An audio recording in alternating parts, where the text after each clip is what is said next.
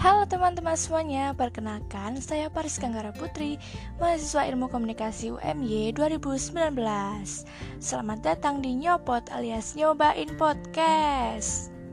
Hai, ketemu lagi di podcastku. Di podcast kali ini, aku bakal kasih tahu ke kalian nih tentang uh, apa aja sih jenis-jenis program siaran di televisi itu.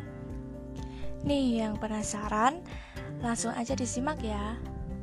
Nah, yang pertama ada berita keras atau hard news, yaitu semua informasi penting dan menarik yang harus segera disajikan oleh media penyiaran karena bersifat harus segera ditayangkan agar dapat diketahui hal yang secepatnya. Nah, buat yang bertanya-tanya, apa bisa sih hard news itu dijadikan konten di YouTube? Tentunya bisa, karena hard news memang berita yang secepatnya diketahui oleh halayak dengan menggunakan format 5W1H. Nah, yang kedua ada feature. Feature juga sering diasosiasikan dengan soft news. Feature adalah program berita yang menampilkan berita-berita ringan. Contohnya adalah info tentang tempat makan yang enak atau tempat liburan menarik. Nah, pengertian menarik di sini adalah informasi yang lucu, unik, aneh, menimbulkan kekaguman, dan sebagainya. Nah, yang ketiga nih, pasti kalian udah pada tahu. Uh, yang ketiga ada infotainment. Infotainment berisi informasi ringan seputar dunia selebritis. Misalnya tentang profil selebritis, pengertian selebritis di sini bukan hanya terbatas pada dunia hiburan, namun juga meliputi tokoh-tokoh dari dunia lain, seperti tokoh olahraga, politik, dan sebagainya. Selanjutnya ada dokumenter. Dokumenter adalah program informasi yang berisi rekaman yang bertujuan untuk pembelajaran dan pendidikan, namun disajikan dengan lebih menarik.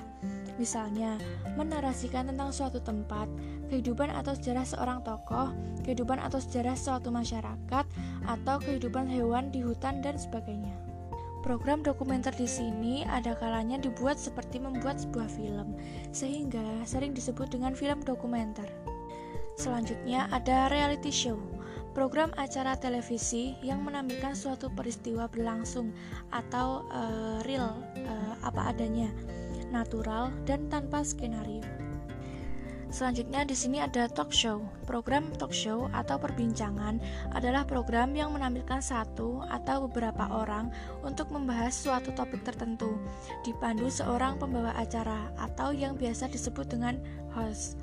Mereka yang diundang adalah orang-orang yang berpengalaman langsung dengan peristiwa atau topik yang diperbincangkan atau mereka seorang ahli dalam masalah yang tengah dibahas.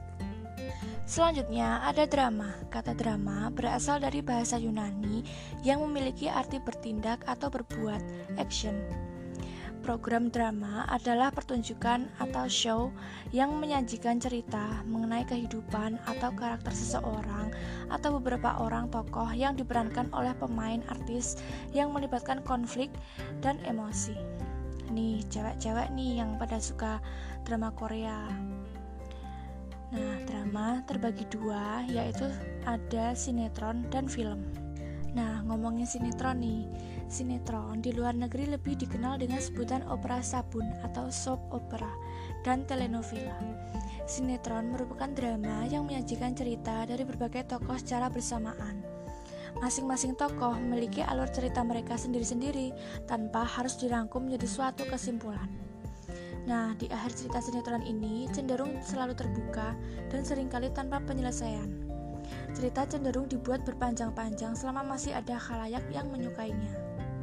Nah, selanjutnya di sini ada film. Film di sini adalah film layar lebar yang dibuat oleh perusahaan-perusahaan film karena tujuan pembuatannya adalah untuk layar lebar atau teater. Maka biasanya film baru bisa ditayangkan di televisi setelah terlebih dahulu dipertunjukkan di bioskop. Selanjutnya yaitu game show. Game show adalah suatu bentuk atau program yang melibatkan sejumlah orang, baik secara individu ataupun kelompok tim, yang saling bersaing untuk mendapatkan sesuatu, menjawab pertanyaan, dan atau memenangkan suatu bentuk permainan.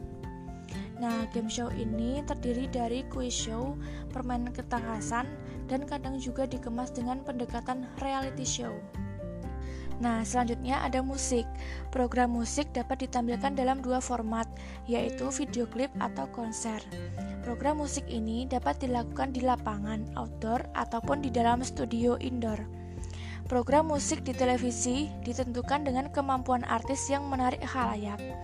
Tidak saja dari kualitas suara, tetapi juga berdasarkan bagaimana mengemas penampilannya agar menjadi lebih menarik.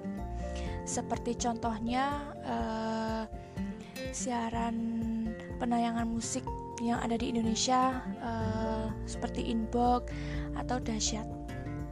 Pasti teman-teman juga udah pada tahu kan? Selanjutnya ada pertunjukan.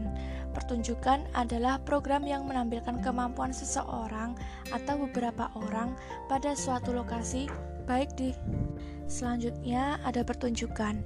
Pertunjukan adalah program yang menampilkan kemampuan seseorang atau beberapa orang pada suatu lokasi baik di studio ataupun di luar studio, di dalam ruangan maupun di luar ruangan. Jika mereka yang tampil para musisi, maka pertunjukan itu menjadi pertunjukan musik. Nah, jika yang tampil uh, justru ahli masak atau chef, maka pertunjukan itu menjadi pertunjukan memasak. Nah, sekarang teman-teman udah pada tahu kan uh, apa aja jenis penyiaran televisi yang ada di Indonesia. Segitu dulu dari aku, semoga menambah wawasan kalian dan bisa bermanfaat ya. Sekian dulu dari aku, sampai berjumpa di podcastku selanjutnya. Bye bye.